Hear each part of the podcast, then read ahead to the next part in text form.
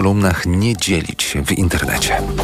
Ma sprawdzić, jakie może mieć zastosowanie i jak mogą z niej korzystać studenci i pracownicy uczelni. Na, uniwersyteckim, na Uniwersytecie Łódzkim powstał zespół do spraw generatywnej sztucznej inteligencji, a to taka, która tworzy obrazy, muzykę czy tekst. Bartosz Kądziłka.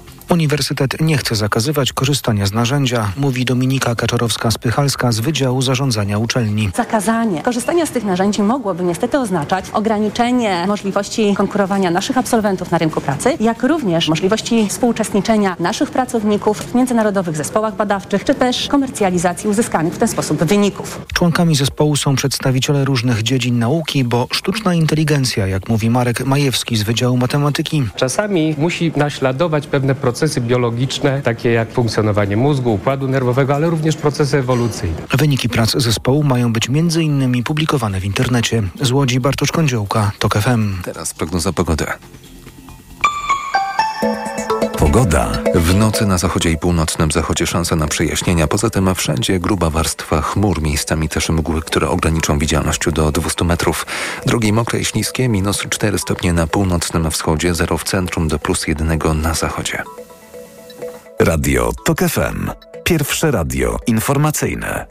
Na audycję u doktora zaprasza sponsor. Dystrybutor suplementu diety probiotyku Vivomix. U doktora. Dzień dobry Państwu, Ewa Podolska. Witam jak zwykle w kolejnej audycji z cyklu Doktora, ale zanim ona się rozpocznie, chciałam Państwa zaprosić na wieczór, na te godziny między 21 a północą. I tak o 21 powrócimy do tematu GMO, żywności modyfikowanej genetycznie, jak ponieważ szykują się pewne zmiany prawne w tej materii na poziomie europejskiej i o tym będziemy rozmawiać. O godzinie 22 rozmowa będzie dotyczyć ważnej y, rzeczy. Otóż w tym tygodniu, we wtorek w Senacie został przedstawiony projekt ustawy, który ustanawia Puszczę Białowiecką obiektem dziedzictwa przyrodniczego UNESCO. Y, są, jest to duża zmiana, jeśli idzie o y, zasady ochrony przyrody w tym rejonie. Y, ci, którzy się rzeczą interesują, wiedzą, że praktycznie niemożliwe jest poszerzenie granic Parku Narodowego ze względu na sprzeciwy samorządów. I to, co zostało zaproponowane, proponowane przez naukowców, e, ekologów, polityków i tak jednak zmierza do większej ochrony e, tego obiektu, który zresztą Puszczy Białowieskiej, która już od dłuższego czasu jest wpisana na listę e, dziedzictwa przyrody, chociaż nie idą za tym uregulowania prawne. O tym rozmawiać będę, a po godzinie 23 w tym tygodniu były walentynki, no to temat jak kochają się ptaki, a moim rozmówcą będzie Jacek Karczewski. Y, proszę Państwa, wydawcą tego programu cyklu doktora jeszcze pan Maziarek, a y, realizuje ten program Krzysztof Malinowski. Y, rzadko rozmawiam o tych nowotworach, chociaż o nowotworach jako takich rozmawiam dosyć często, ale chyba chyba tylko jedną lub dwie audycje zrobiłam przez te wiele lat, gdy rozmawiam o nowotworach i y, moim gościem jest y, onkolog, a mianowicie rzadko bardzo rozmawiam o y, nowotworach u dzieci. I właśnie dzisiaj będzie tych nowotworów dotyczyć rozmowa. Witam panią profesor. Dzień dobry. Vis-a-vis mnie pani profesor Anna Raciborska, pediatra, onkolog i hematolog dziecięcy. Pani profesor kieruje kliniką onkologii i chirurgii onkologicznej Instytutu Matki i Dziecka. Tak, zgadza się. Pani profesor, to się pojawia bardzo często i to się jakby wbiło chyba ludziom w głowę, że na przykład mamy coraz więcej nowotworów, ponieważ jako społeczeństwo się starzejemy, a na nowotwory, gdyby tak patrzeć statystycznie, więcej, większe jest prawdopodobieństwo zachorowania na nowotwór u ludzi starszych. Nowotwór u dziecka to jest coś, co często w ogóle wypieramy, takie mam wrażenie, ponieważ w ogóle za słowem nowotwór, za słowem rak kryją się duże emocje. Poza tym kryje się e, życie, śmierć, tragedia, a więc e, stąd idzie takie emocjonalne jeszcze bardziej niż ludzi dorosłych e, odebranie tego słowa nowotwór dziecięcy. Zgodzi się pani ze mną? No zdecydowanie tak. Właściwie te wszystkie te twierdzenia są prawdziwe. E, Rzeczywiście my nie kojarzymy nowotworów z chorobami wieku dziecięcego. I stąd e, myślę, że należy o tym mówić, dlatego że nierzadko zdarza się, że dzieci, które do nas trafiają, mają bardzo zaawansowaną chorobę, dlatego że wykluczano bardzo wiele innych chorób, które są kojarzone z wiekiem dziecięcym. Ale ja tu od razu, od razu dygresja. Wykluczano, ale to jest kamyczek do ogródka pani kolegów. No bo to oni wykluczali. Ci lekarze na wcześniejszym etapie. To nie była wina rodzica. No, znaczy, ja uważam, że tu w ogóle nie można tego rozpatrywać w ramach winy albo niewiny, dlatego że no to myślę, że to nie tak. To chodzi chyba o, znaczy zupełnie naturalną rzeczą jest to, że my nie myślimy o nowotworze u dzieci, tak jak pani wcześniej pomyślała i powiedziała. I lekarzy też to dotyczy, prawda? No, ale lekarze No, to też są ludzie. To też są ludzie i tak samo żyją, mają dzieci i tak samo myślą. Yy, I jest tak chyba w ogóle w, w Stanach Zjednoczonych, że kształcenie i wymaganie na egzaminach zale wiedzy zależy od częstości chorób, jak, kiedy one występują. I najbardziej się pyta z chorób, które występują bardzo często, a y, dużo mniej i dużo mniejsza wiedza jest wymagana z chorób, które występują ultra rzadko. No więc tutaj jest y, tak samo. Jeżeli my na przykład weźmiemy te dzieci, czyli dzieci na przykład zupełnie po urodzeniu i w Polsce rodzi się z nowotworem wrodzonym około 12 dzieci, bo to jest 3,65 na 100 tysięcy. Więc jeżeli my mieliśmy w zeszłym roku według GUS-u 300 tysięcy urodzeń, to znaczy, że mieliśmy dziesięcioro z malutkim haczykiem dzieci, które są, ch- miały nowotwór. Więc Ale to jest był nowotwór u dziecka, które się urodziło które się teraz. urodziło. Czy ono się urodziło już z nowotworem? Tak, ono się urodziło już z nowotworem, ale pamiętajmy, że jeżeli takie dziecko się wcześniej zdiagnozuje i prowadzi na przykład w zespole wielodyscyplinarnym, czyli ginekolog, położnik, neonatolog, onkolog, radiolog, to szansa na to, żeby to dziecko było całkowicie zdrowe i poszło z tornistrem do normalnej szkoły jest 8 na 10. 80% takich dzieci będzie zupełnie zdrowych, więc e, to jest bardzo dużo. A jaki to nowotwór? Bo będziemy, zaraz rozszerzymy ten temat nowotworów, jaki najczęściej, ale jaki to nowotwór jest, że dzieci się z nim rodzą? No to mogą być różne, Różne, nowotwory.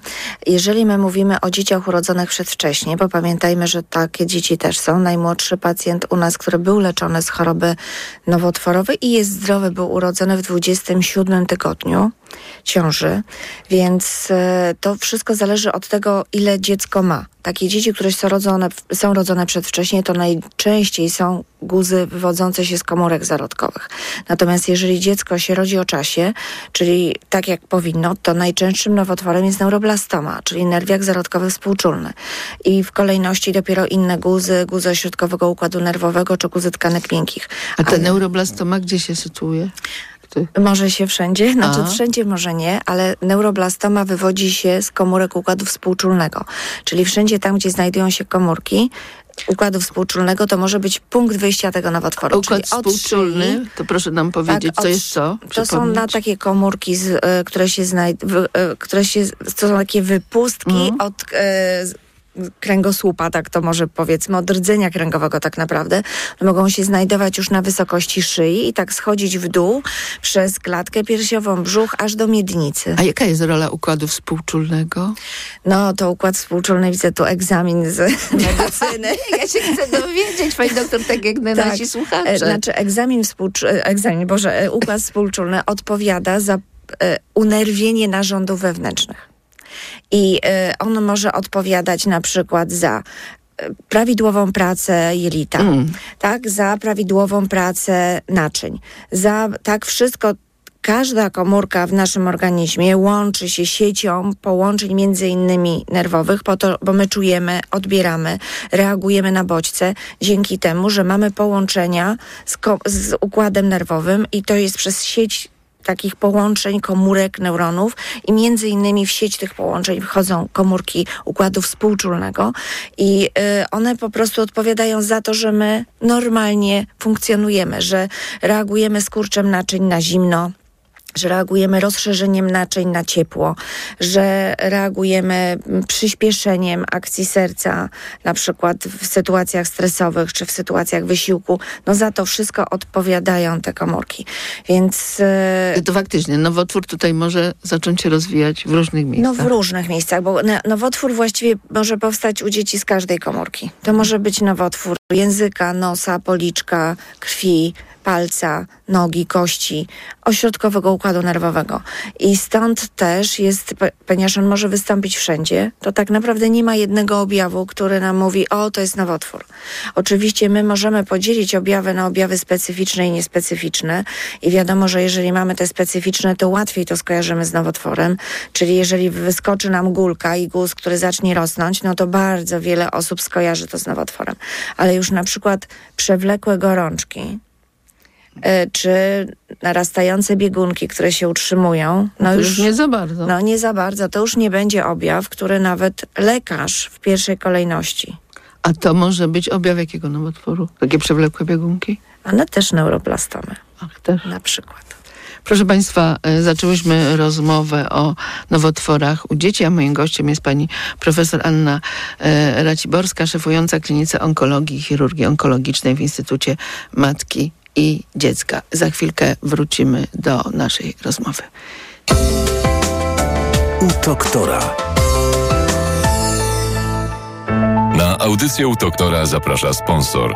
Dystrybutor suplementu diety probiotyku Vivomix. Chciałem to zwycięstwo, pozwólcie tak osobiście, dedykować moim obu dziadkom. Obaj byli polskimi kolejarzami w Wolnym Mieście Gdańsku. Relikwią w naszym domu do dziś jest żywnościowa karta Polaka, którą w Gdańsku miało kilkaset osób, bo nikt więcej się nie odważył być Polakiem w czasie okupacji. Obaj spędzili wojnę w obozach koncentracyjnych. Obaj moi dziadkowie. Panie pośle, w Ja trybie wiem, sprostowania. byli pana dziadkowie, ale wiem jedno, pan jest niemieckim agentem, po prostu niemieckim agentem. Trzeba umieć przegrywać. I trzeba umieć w momencie, w którym Polacy, którzy są suwerenem w naszym kraju, bo oni są suwerenem, mówią ci dość. Przerwij. Teraz czas na zupełnie coś innego. Odwracać się do nich tyłem i mówić, demokracja nie istnieje, jeżeli to nie ja jestem przy władzy. To jest zachowanie dziecka, które rzuca zabawki, jeżeli okazuje się, że akurat w tej chwili nie może mieć tej, którą najbardziej lubi. Przepraszam za ten niewłaściwy i nie na miejscu koniec tego podniosłego dnia. Radio TOK FM. Pierwsze radio informacyjne. Posłuchaj, aby zrozumieć.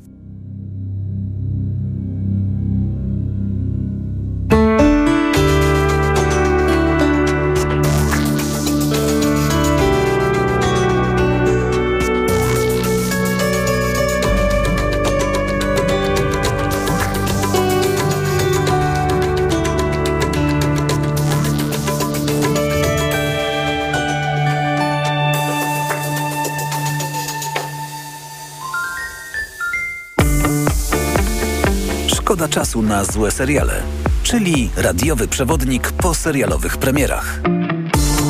Anna Piekutowska i Zuzanna Piechowicz zapraszają w soboty po 18.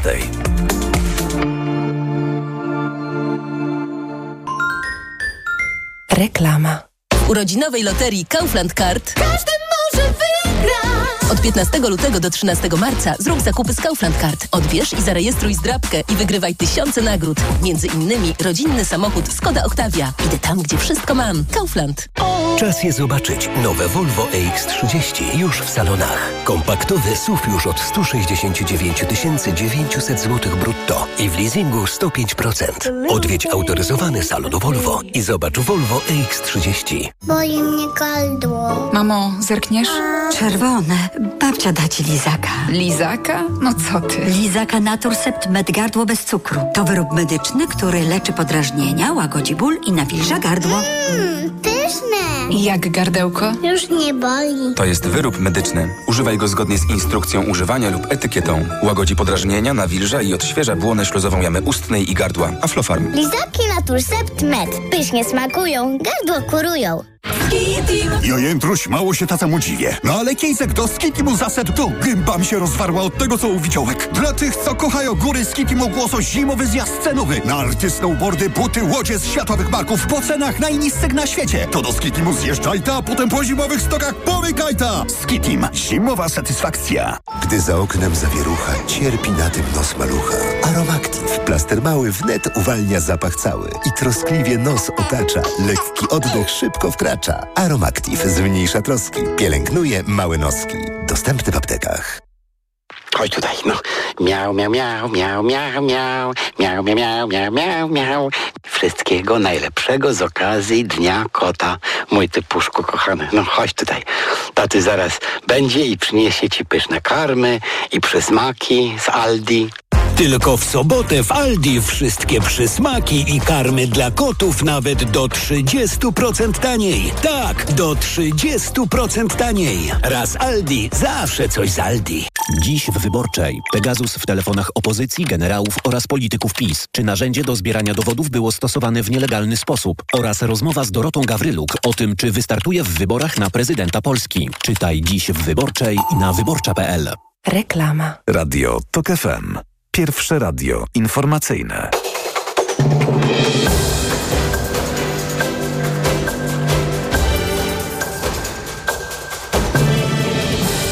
Szesnasta dwadzieścia Marcin Grzebielucha. Po informacji o śmierci lidera antykremlowskiej opozycji Aleksja Nawalnego odbyły się pierwsze spontaniczne demonstracje w kilku niemieckich miastach.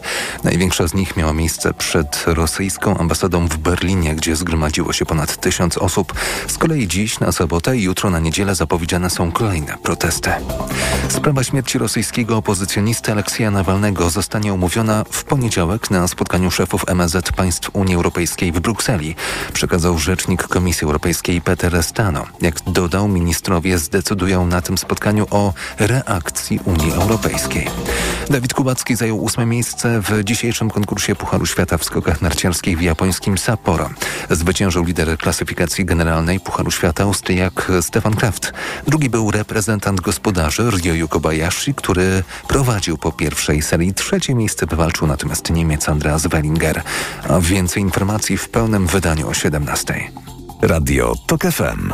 Pierwsze radio informacyjne. U doktora. Jesteśmy już z powrotem na antenie. Y, Tematem dzisiejszej y, rozmowy w programie cyklu doktora są nowotwory u dzieci, a moim gościem jest pani profesor Anna Raciborska, pediatra, y, onkolog, hematolog dziecięcy, reprezentująca Instytut Matki i Dziecka. Gdyby popatrzeć tak statystycznie, to jakich nowotworów jest najwięcej? Tutaj odrywam się od tego, gdy pani powiedziała neuroblastoma, pani powiedziała, że to wszędzie może być. No więc tutaj też moje myślenie nie powinno być takie, że nowotwór jakiejś części ciała jednak. Yy, no właśnie, jednak zadam to pytanie. Dlaczego też? Bo najczęściej, kiedy my się spotykamy z nowotworem u dziecka, jeżeli nas samych nie dotyka ta choroba, Pani profesor, my się spotykamy wtedy, gdy w internecie natrafiamy na błagania yy, i to jest zawsze zbieranie pieniędzy na to, że dziecko jest w tak ciężkim stanie, można mu pomóc, ale na to są potrzebne pieniądze, bo można mu pomóc za granicę i moje dziecko umiera. I, i tam tak naprawdę człowiek, który nie ma do czynienia, no bo tak pani powiedziała, każdy z nas zna kogoś, kto miał raka, niekoniecznie musiał umrzeć, ale miał raka czy ma raka. Ale nie każdy z nas e, w swoim otoczeniu zna dziecko, które chorowało lub choruje. I w internecie się spotykamy. I, I to jest jedna rzecz. A druga rzecz, gdy tak sięgam pamięcią do y, momentów, gdy ja zetknęłam się, to dziecko ma nowotwór, to lub dziecko małe, lub też y, kilkuletnie, czy nawet młody człowiek kilkunastoletni, bo takich też znałam, to to był tak, albo nowotwór kości się kojarzy, albo nowotwór, y, y, który się rozwija w oku, albo w mózgu. Nie wiem, czy to są w ogóle dobre skojarzenia, jeśli idzie o, o, o tą częstość, bo to, to się tak przebija y, znaczy jeśli idzie o to błaganie o pieniądze, prawda, no to my stąd, stąd też pewnie mi się to tak nałożyło. Błaganie o pieniądze to jest zupełnie coś innego, No. dlatego że to jest zupełnie inny wątek, który ja może za chwilę rozwinę. Najpierw pierwsza rzecz to jest ta częstość. No, Mhm. naj, to można też w dwóch aspektach e, troszkę na to popatrzeć. Po pierwsze, jeżeli weźmiemy całą grupę dzieci. Całą grupę dzieci to najczęstsze są białaczki.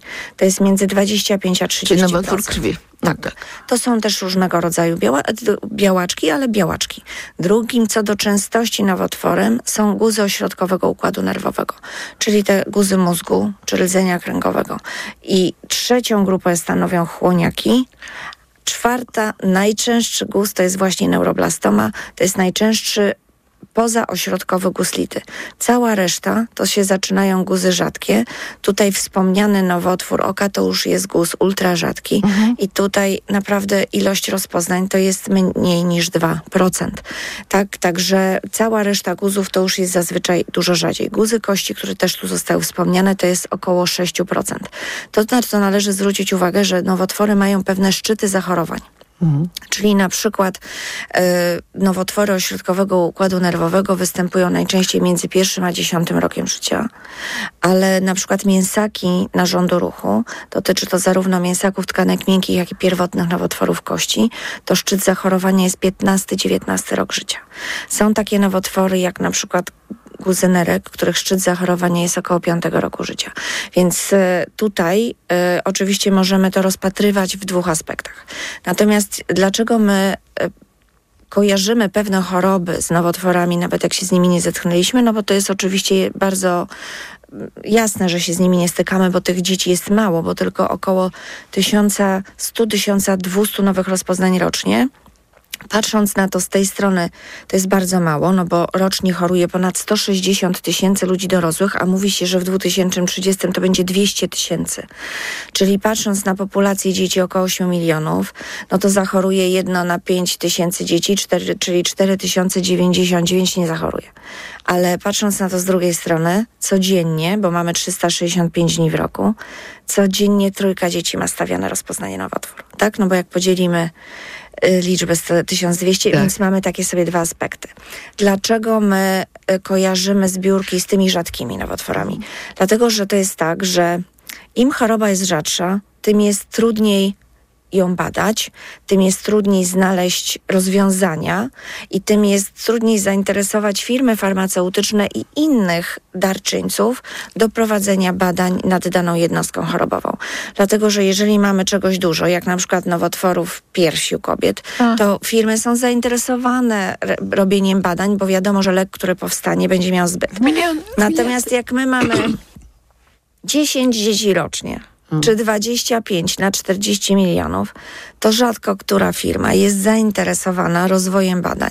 Tutaj, żeby w ogóle wyciągnąć również wnioski istotne statystycznie, ważne jest, żeby współpracować na przykład z zagranicą, no bo um- my jesteśmy dość dużym krajem, ale na przykład takie Czechy, to u nas jest 20 do 25 mięsaków Ewinga rocznie. To, są, to jest jeden z pierwotnych nowotworów kości. W Czechach jest pięć do dziesięciu. To jakie, to właściwie tutaj my nie możemy mówić o badaniach w jednym kraju, więc choroby y, ultra rzadkie leczy się, rozpoznaje się trudno, leczy się trudno i dostępność do nowoczesnych metod może być trudna. Natomiast ja powiem, że y, w Polsce, ja tutaj chciałam bardzo podkreślić rolę Agencji Badań Medycznych, która powstała. Ja wiem, że to jest temat może trochę kontrowersyjny, ale patrząc przez pryzmat onkologii dziecięcej, to ona dała szansę na badanie wprowadzanie nowych terapii u dzieci w Polsce. Dlatego, że na przykład nasze dzieciaki w naszej klinice prowadzonych jest pięć badań finansowanych przez Agencję Badań Medycznych na skomplikowane badania molekularne u dzieci, w tym również chorobę resztkową i leczenie w oparciu o wynik badania molekularnego, czyli de facto podawanie leków takiej personalizowanej terapii. Ja dlaczego mówię, że to zbieranie jest takie, no ono ma dwa, dwa aspekty. Rzeczywiście w niektórych sytuacjach mm, konieczne jest wysłanie dziecka za granicę, na przykład skomplikowane operacje, gdzie pamiętajmy... Bo tam jest tam ośrodek, który się po prostu tym Nawet zajmuje. tak? zajmuje, ale też do tego jest sprzęt. To nie jest tak, że my mamy jednego lekarza, jodyma, on zrobi teraz wszystko. No to tak nie jest. Ja mogę pokazać to też na przykładzie guzów kości. My obecnie, jeżeli wcześniej rozpoznamy guza kości, to wyleczymy go w 80%, czyli 8 na 10 dzieci będzie zdrowych. Ale co jest ważne, on powinien jeszcze wrócić normalnie do społeczeństwa, powinien być sprawny, używać ręki i nogi, móc pracować, może nie będzie sportowcem, ale chodzi o to, żeby się samodzielnie poruszał, realizował swoje marzenia. Na to, żeby ten pacjent na końcu drogi był nie tylko zdrowy, ale również jego jakość życia była bardzo duża, to jest sztab ludzi, który musi na tym pracować. To nie jest jeden doktor Judym. To jest e, sztab patomorfologów, z badaniami genetycznymi, o których sobie powiedzieliśmy, i z dostępnością urządzeń do ich wykonania. To są radiolodzy, którzy jak patrzą na zdjęcie, to coś widzą, bo jeżeli ktoś nie widział nigdy guza kości, to naprawdę, to jeżeli ma to rozpoznać jako zmianę wstępną, to naprawdę trzeba się tego nauczyć, bo my nie mówimy o rozpoznaniu, jak guz ma półtora litra. I to jest, są rehabilitanci. Półtora litra? Litra, półtora litra. Zdarzają się takie guzy, które do Mówi nas... pani o objętości, Objętości, tak? tak. A my, e, a dlaczego mówię o objętości? Bo objętość jest kluczowa w rokowaniu. Jeżeli guz się rozpozna poniżej 200 ml, to rokowanie jest dużo lepsze. Bo ja zawsze myślałam, że to się mówi o średnicy, na przykład głos 2 cm jak przy laku piersi, czy prawda? Nie, to się mówi o objętości Mhm. często, objętości, zwłaś- zwłaszcza w nowotworach narządu ruchu. E, więc jeżeli ma więcej niż 200 ml, to gorzej rokuje. Oczywiście 200 ml nierówne 200 ml, bo jeżeli mówimy o nas, o dorosłych, to jest inne 200 ml niż u pacjenta, który ma 3 lata, ale e, wracając do tematu, sztab ludzi walczy o to, żeby ten pacjent był zdrowy. Więc moje pytanie brzmi, czy, na, czy w, w każdym ośrodku jesteśmy w stanie i stać nas na to, żeby tych, te wszystkie urządzenia i ludzi y, włożyć. Tak naprawdę, żeby operować dobrze. Na przykład no, czasami słyszy się, że też wysyłamy dzieci na zabiegi kardiochirurgiczne, tak? No to żeby operować dobrze coś, to nie wystarczy zrobić raz. To nie wystarczy otworzyć książkę i przeczytać. Doświadczenie się zdobywa. I tak jak w naszej klinice myśmy założyli ponad tysiąc endoprotez u dzieci, y, no to nasze doświadczenie versus ośrodków, które założyło pięć, no oczywiście to nie znaczy, że szósty zabieg im nie wyjdzie, tak? Bo ja nie chcę tego powiedzieć, ale prawdopodobieństwo, że będzie coś dobrze wykonane jest inne. Ja też nie uważam naprawdę, żeby w tych wszystkich ośrodkach kształcić wszystkich i wkładać Mhm. pieniądze, żeby każdy robił wszystko. No nie jesteśmy jednak doktorami judymami i myślę, że należy o tym A pamiętać. to też z punktu widzenia po prostu też no, pieniędzy. Jest to niemożliwe. Ale Tak. co, czy, czy ja dobrze rozumiem, że wobec tego bywają dzieci, y, y, które z racji, o których pani powiedziała, powinny trafić do ośrodka za granicą, ponieważ ten ośrodek ma doświadczenie, tam trafiają do niego dzieci z różnych krajów i tak dalej, no tam to będzie zrobione y, optymalnie. Yy, wtedy rodzice zaczynają, no to kraje są różne, jak słyszę, to nie wszystko, że to tak działa, wspólnie jesteśmy w Europie, Europa wspólna, rodzice wysyłają y, dzieci do Stanów, jakichś krajów, wtedy zbierają pieniądze, rozumiem, tak? Czy ja no przede stąd się wszystkim- dobiorą te zbiórki? Tak, ale właśnie zbiórki się z różnych powodów biorą. Dlatego, że no niestety ja jestem przeciwna zbiórką na decyzję rodziców. Ja uważam, że wysłanie dziecka za granicę, bo z mojej kliniki też dzieci wyjeżdżały za granicę Tak. i do Stanów Zjednoczonych, i do Holandii i to było finansowane przez państwo. Jeżeli lekarz decyduje o tym i na przykład wie, że w danym miejscu pacjent może uzyskać najlepszą pomoc, to taka zbiórka ma zupełnie sens. Dlatego, że to jest decyzja medyczna. No ale czasami taką decyzję podejmuje rodzic, dlatego że może po pierwsze nie wie, że w Polsce można takie leczenie uzyskać. Czyli zdarzają się sytuacje, że rodzice nie mają informacji, że na przykład w danym ośrodku można podać jakieś leczenie, którego oni szukają za granicą. Po następne czasami nie przyjmują niestety, co jest bardzo zrozumiałe, tego, że wyczerpaliśmy wszystkie możliwości i bez względu na to, czy jesteśmy w Nowym Jorku, w Kopenhadze czy w Warszawie. I to jest bardzo trudne, tak? I wtedy rodzice szukają na własną rękę. I tutaj my możemy dyskutować, czy my powinniśmy wtedy jak my powinniśmy się zachować, bo jasne jest, że każdy rodzic walczy o swoje dziecko. Jeżeli gdzieś widzi cień szansy, to będzie chciał z tego skorzystać. E, Więc ja bym tu bardzo rozgraniczyła te dwie kwestie zbiórek, tak? Dlatego, że to Mhm. są zupełnie inne sytuacje. Ale rozumiem, bo pani mówi tak, myśmy wysyłali dzieci za granicę i wtedy rodzice nie płacili, ale rozumiem, że są takie sytuacje, że państwo widzą pewien ośrodek, ale nie może to dziecko być wysłane w ramach naszego NFZ-u i wtedy rodzice zakładają zbiórkę. Ale gdy lekarze, lekarze widzą sens tego. Znaczy ja powiem są tak, takie ja sytuacje. jako lekarz, pracując 25 lat, nie spotkałam się, żeby mi NFZ i teraz Mhm. i kiedyś odmówił, jeżeli to było uzasadnione.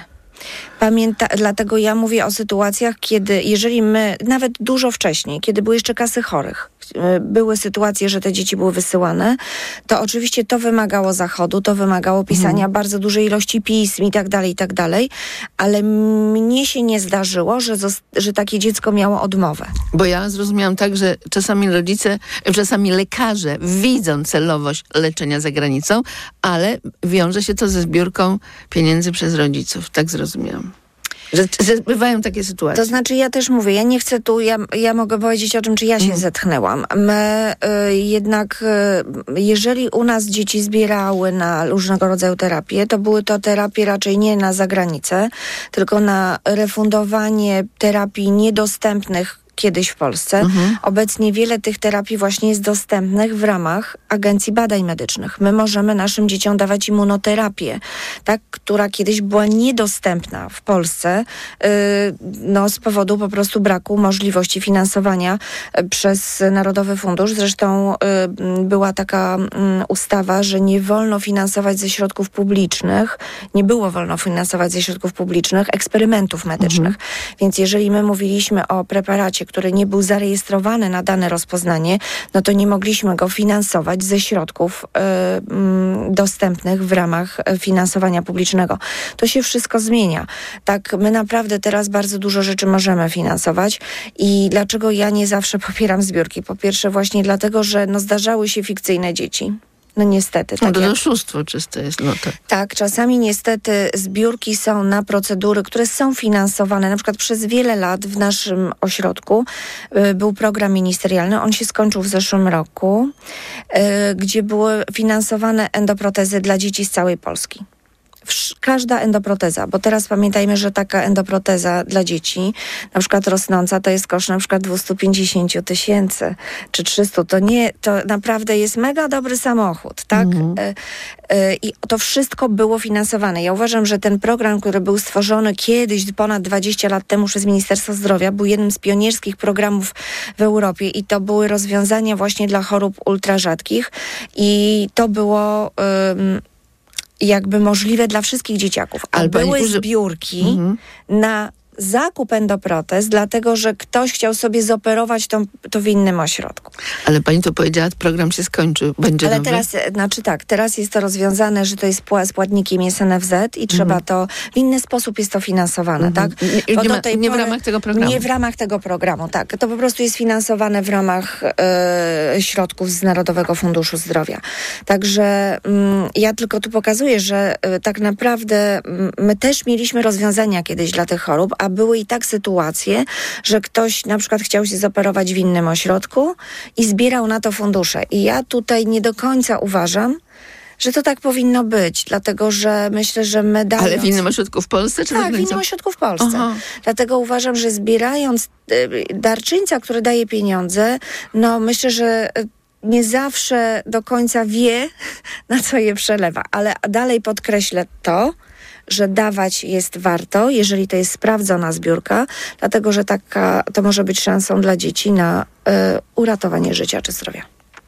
Proszę Państwa, za moment wracamy do naszej rozmowy. U doktora.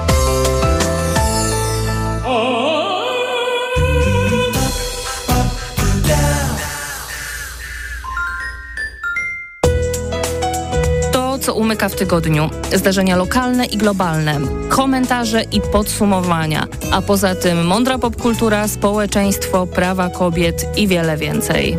Poranek Radia TOK FM. W niedzielę zaprasza Anna Piekutowska.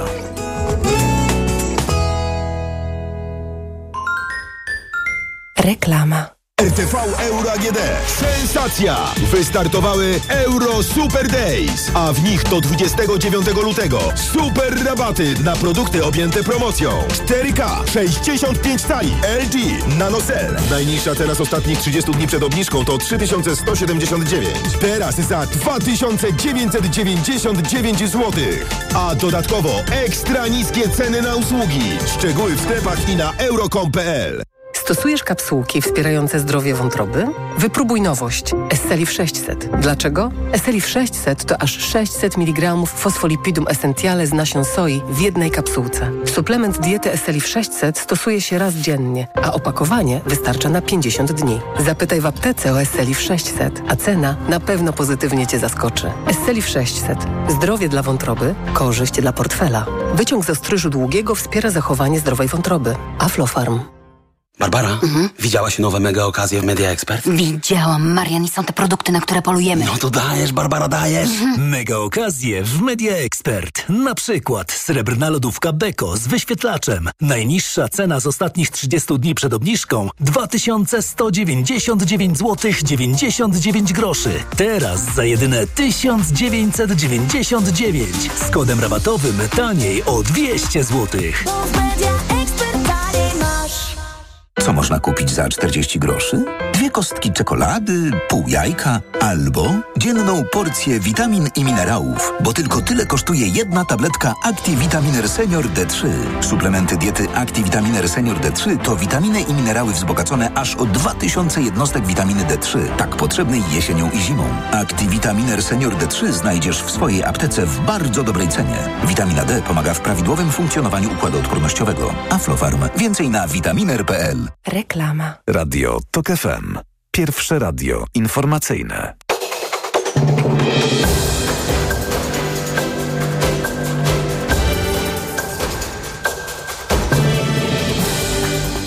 Szesnasta czterdzieści Marcin Grzebielucha. Jesteśmy na drodze do ratyfikacji przystąpienia Szwecji do NATO na początku wiosennej sesji parlamentu. Oświadczył na corocznej konferencji prasowej w Budapeszcie premier Węgier Viktor Orban. Węgierski parlament może ratyfikować przystąpienie Szwecji do sojuszu już 26 lutego. W przypadku wypracowania rozwiązania dwupaństwowego przy rozwiązywaniu konfliktu w strefie Gazy należy zagwarantować, że Izraela nie spotka już nigdy więcej taki atak jak ze strony Hamasu 7 października, oświadczyła Annalena Baerbock, szefowa niemieckiego MSZ-u na monachijskiej konferencji bezpieczeństwa. Chce zadeklarować jako premier polskiego rządu, że ta kampania samorządowa to będzie powrót do autentycznej samorządności. Idziemy po zwycięstwo po to, żeby oddać władzę ludziom, powiedział premier lider PO Donald Tusk podczas konwencji inaugurującej kampanię samorządową Koalicji Obywatelskiej. A więcej informacji o 17. Radio TOK FM. Pierwsze radio informacyjne. Na audycję u doktora zaprasza sponsor. Dystrybutor suplementu diety probiotyku Vivomix. U doktora. Jesteśmy, proszę Państwa, już z powrotem na antenie. Vis-a-vis mnie y, pani profesor Anna Raciborska, kierująca kliniką onkologii i chirurgii onkologicznej w Instytucie Matki i Dziecka. Y, Pani profesor, y, chcę zakończyć ten program zbiórek, ale y, Pani powiedziała jedno zdanie i muszę o to zapytać. Pani powiedziała coś takiego. Czasami rodzice zbierali pieniądze na operację u dziecka, bo chcieli, żeby to się odbyło w innym ośrodku. Ale tu czegoś nie rozumiem. Y, czy, czy- w tym innym ośrodku, dlaczego mieli płacić w innym ośrodku? Bo tam nie było tego programu chociażby, o którym pani powiedziała? Nie, to chyba tak nie. Dlaczego u was nie płacili, a gdzie indziej mieliby płacić? Dlatego, że zgodnie z tym programem refundacja za endoprotezę była u nas, bo to jest, No właśnie, to jest centralizacja Mm. chorób i to, się, to jest to, co się dzieje na całym świecie. Na przykład w Holandii powstał jeden ośrodek onkologii dziecięcej na cały kraj, dlatego, że zauważono, że po pierwsze, jeżeli są choroby ultrarzadkie, no to żeby wyspecjalizować się w tym, to trzeba lata.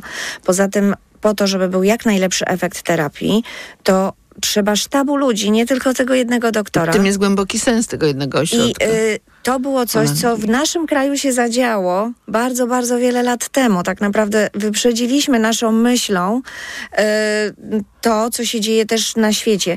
I w Stanach Zjednoczonych też tak jest, że ośrodki są w odpowiednich odległościach, tak? No oczywiście mówimy o zupełnie innym kraju.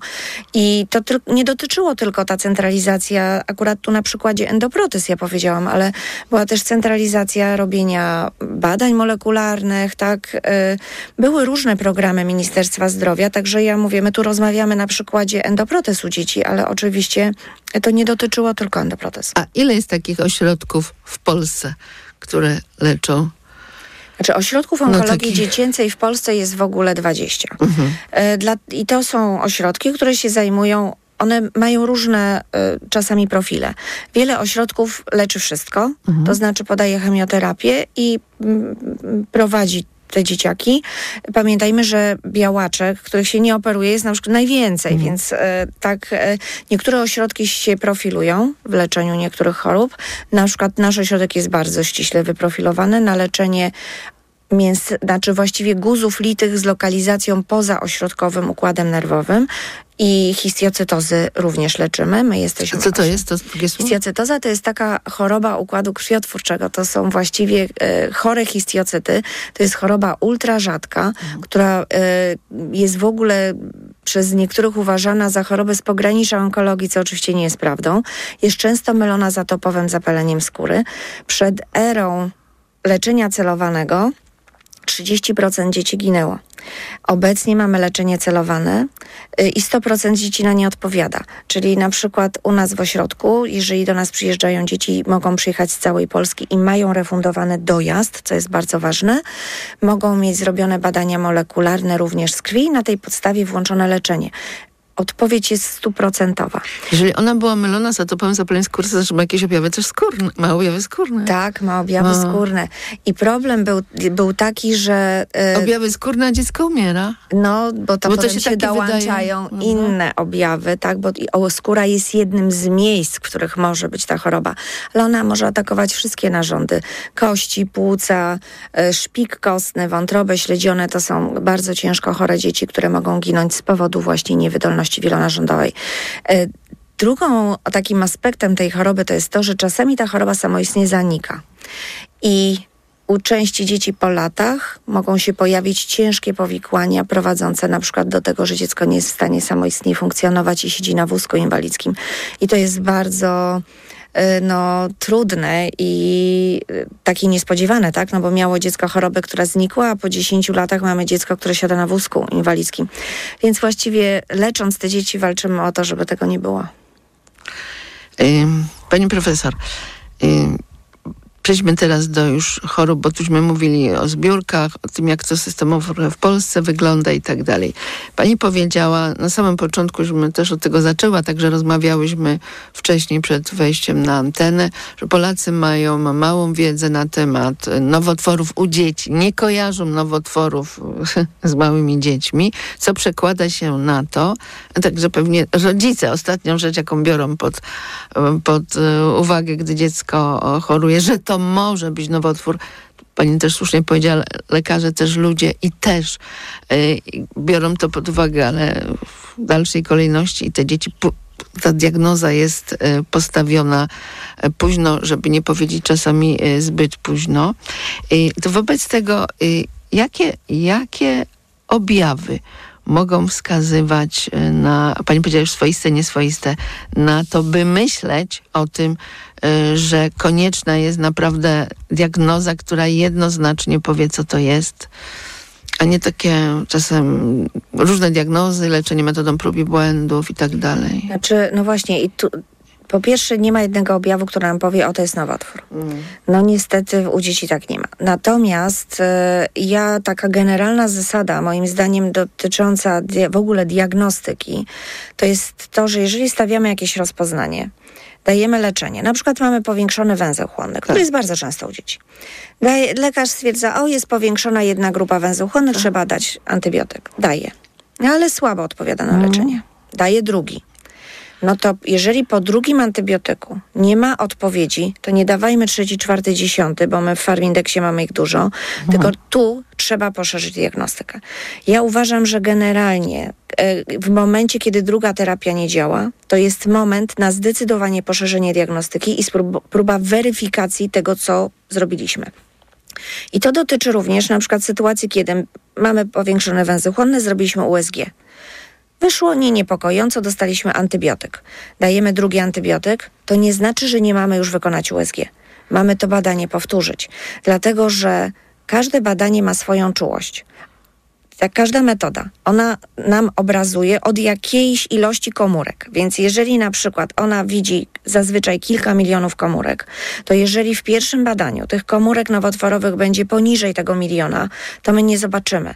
Więc to badanie należy powtórzyć, dlatego że każde badanie, rentgen, USG, tomografia, Każde badanie ma swoją czułość. Pamiętajmy również, że zrobienie rentgena drugi raz nie jest błędem, dlatego że badanie rentgenowskie obecnie to nie są takie aparaty, które były, nie wiem, 30 lat temu. My teraz, wychodząc na słonko, idąc 15 minut po słonku, dostajemy więcej promieniowania z kosmosu niż pojedynczego zdjęcia rentgenowskiego.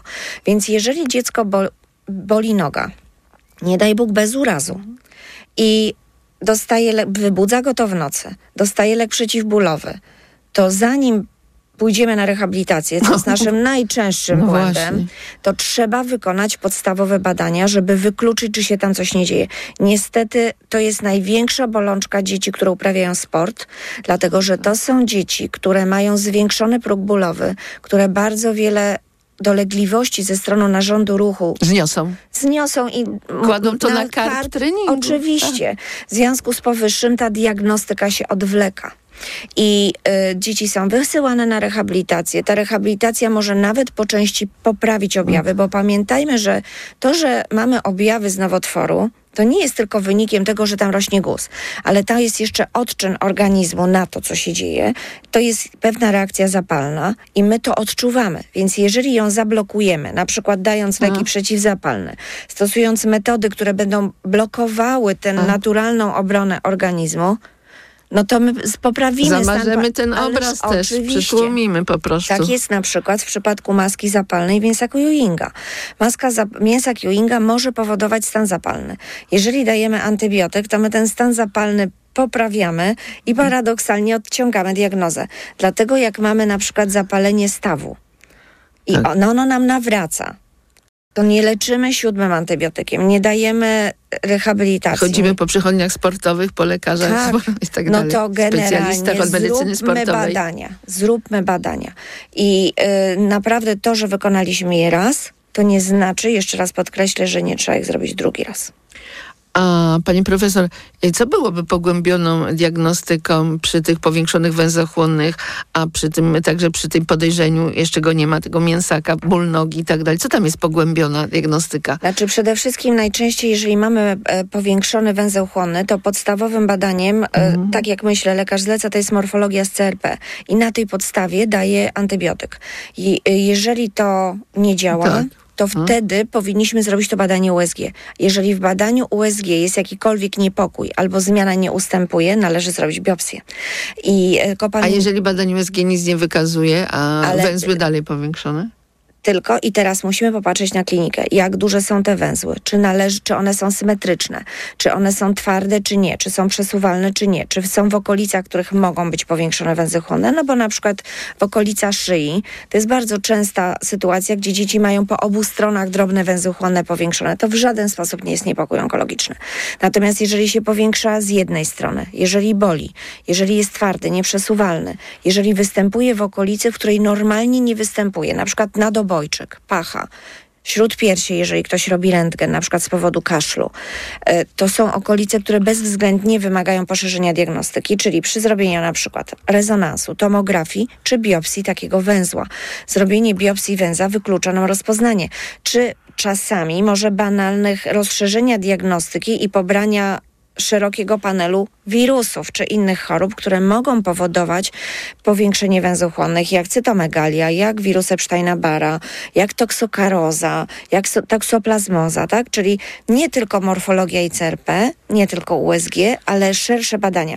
Bo Pamię- tutaj chodzi o to, czy to nie jest chłoniak, tak? na przykład, ale pamiętajmy, że też to może być przerzut mięsaka A, do tak. węzła chłonnego i zdarzały nam się sytuacje, że spowiększony węzeł się okazał przerzutem mięsaka do y, węzła chłonnego. No niestety zdarzają się czasami sytuacje, że nowotwory lite manifestują się późno i my mieliśmy sytuację dziewczynki, która była zdiagnozowana przez trenera pływania, e, bo zostali rodzice zawezwani i powiedzieli, że dziecko się obija, bo jakoś się zatrzymuje na basenie i coraz gorzej pływa. I y, były zrobione badania rentgen płuc, bo dziewczynka po prostu zagorączkowała i zaczęła kasłać, więc miała zrobione badanie. Okazało się, że ma mnóstwo zmian w płucach. Była zrobiona biopsja, bo było podejrzenie zupełnie nie choroby nowotworowej. Okazało się, że to jest mięsak Ewinga, którego punktem wyjścia była kość ramienna, gdzie w ogóle nie było guza przykostnego. Czyli była zmiana w kości kompletnie nie do zauważenia, bo kość nie zmieniła swojego wyglądu, znaczy na badanie kliniczne, bo jak się oczywiście zrobiło rentgen, no to było widać. Tylko, że no trudno robić rentgen okolic, które nie bolą, tak? Więc czasami mięsaki mogą się tak zachowywać, że dawać objawem mięsaka może być przerzut do węzła chłonnego, wracając do naszych węzłów chłonnych. Więc na pewno no, biopsja jest y, na końcu tej diagnostyki, ale ona w niektórych przypadkach powinna być przeprowadzana. Dziewczynka została wyleczona? Niestety nie. Niestety to było już bardzo późno. Była, walczyliśmy długo, niestety ona akurat odeszła. No ale ja ba- wolałabym tu bardziej optymistycznie 8 na 10 dzieci się udaje, zwłaszcza jak się wcześniej o tym pomyśli. No bo niestety, jeżeli się o tym nie pomyśli wcześniej, no to szanse bardzo spadają i to jest 3, maksymalnie do 4 dzieci na 10. Im więcej jest pół miejsc rozsiewu nowotworu, czyli jeżeli nowotwór jest na przykład i w ręce, i w nodze, i w płucach, e, no to szanse na wyleczenie zdecydowanie są niższe. Y, tak naprawdę zostały nam trzy minuty. Jest taki przekaz, jaki by pani chciała, bo dobrze, że my właśnie y, też o tym cały czas rozmawiamy w tej trzeciej części, ale to tak podsumujmy takim przekazem, jeśli idzie o tę czujność taką i rodziców, i lekarzy. Czy ja przede wszystkim y, chciałabym powiedzieć i zwrócić uwagę na to, żeby pamiętać, że nowotwory mogą być. I że to, że u nikogo w rodzinie nie było nowotworów, To nic nie to znaczy. nic nie znaczy. 95% dzieci na naszym oddziale, jak rodzice przychodzą, to mi mówią, Pani profesor, ale my, nasze dziecko na nic nie chorowało. Niestety nowotwory mogą się zdarzyć. I jeżeli jakaś terapia nie działa, jeden raz, drugi, pamiętajmy o tym, że to może być nowotwór. Zadajmy pytanie lekarzowi, który nas prowadzi, czy nie należałoby poszerzyć diagnostyki i w tej poszerzonej diagnostyce weźmy pod uwagę również to, że to może być choroba nowotworowa. Bo jak ją wcześniej rozpoznamy, to szanse na to, że dziecko wróci do zdrowia są olbrzymie. A czy lekarz pierwszego kontaktu daje skierowanie y, onkolog dziecięcy? Czy to trzeba zaraz do szpitala, czy, czy w tych placówkach specjalistycznych y, jest... Oczywiście, że nie, dlatego że u nas e, w ogóle po, umów, po, chciałabym jeszcze podkreślić, że nasze problemy to nie są problemy ludzi dorosłych. U nas w naszej klinice, jeżeli dzwoni lekarz z podejrzeniem, że dziecko ma guz, przyjęcie jest na następny dzień, a najpóźniej na drugi. W ciągu dwóch tygodni najczęściej zamyka się cała I to diagnostyka. może być lekarz pierwszego kontaktu? Ależ oczywiście, Mhm. nawet zazwyczaj powinien Mhm. być lekarz pierwszego kontaktu. Nie ma problemu z przyjęciem dzieci z podejrzeniem choroby nowotworowej. E, tak naprawdę lekarz... A dzieci mają te karty DILO i tak No, ależ nie, oczywiście, że nie. Mogłyby mieć nie, ale u nas nie ma takiej potrzeby. Ale nie każde dziecko musi być od razu diagnozowane w szpitalu. U nas na przykład dzieci trafiają do, najpierw do poradni i ten okres diagnostyki, jeżeli dziecko jest w dobrym stanie, może spędzić w hotelu, który u nas jest, e, albo w, e, w fundacji, która zapewnia miejsce dla dzieci i dla rodzica i niekoniecznie to musi być szpital. My przyjmujemy dzieci z całej Polski, więc musimy zapewnić te warunki, żeby dziecko się mogło zatrzymać. Natomiast do szpitala są przyjmowane dzieci na leczenie albo w takich sytuacjach, kiedy one już są naprawdę ciężko chore. Życzymy sobie, żeby takich dzieci było jak najmniej. Bardzo serdecznie Pani dziękuję za to spotkanie. Bardzo dziękuję Pani i Państwu. Naszym gościem była pani profesor Anna Raciborska, która jest pediatrą, onkologiem i hematologiem dziecięcym i kieruje kliniką onkologii i chirurgii onkologicznej w Instytucie Matki i y, Dziecka. Proszę Państwa, to był program z cyklu u doktora. Realizował Krzysztof Malinowski, wydawał Szczepan Maziarek, a ja Państwa chcę zaprosić na wieczór.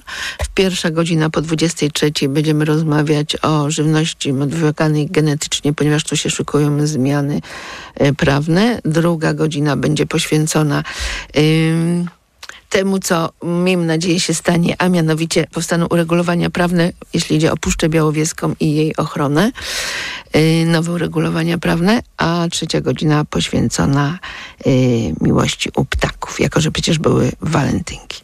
Zapraszam na 21. U doktora. Na audycję u doktora zaprasza sponsor. Dystrybutor suplementu diety probiotyku Vivomix. Reklama. Na odporność od dawna stosowałem witaminę C w dawce 1000 mg, a teraz zmieniłem swój produkt na Rutina C Max C1000. Nie zmieniłem dawki witaminy C, ale wzmocniłem orutozyt i uznane składniki wspomagające odporność. Suplementy diety Rutina C Max C1000 w jednej tabletce zawiera aż 1000 mg witaminy C, a do tego rutozyt i sprawdzone substancje wspierające odporność, cynk, selen i witaminę D3. Rutina C Max C1000 to połączenie dwóch świetnych sposobów na odporność. Rutina C Max C1000. Odporność na potęgę. Aflofarm. Dziś w Wyborczej. Pegasus w telefonach opozycji, generałów oraz polityków PiS. Czy narzędzie do zbierania dowodów było stosowane w nielegalny sposób? Oraz rozmowa z Dorotą Gawryluk o tym, czy wystartuje w wyborach na prezydenta Polski. Czytaj dziś w Wyborczej na wyborcza.pl.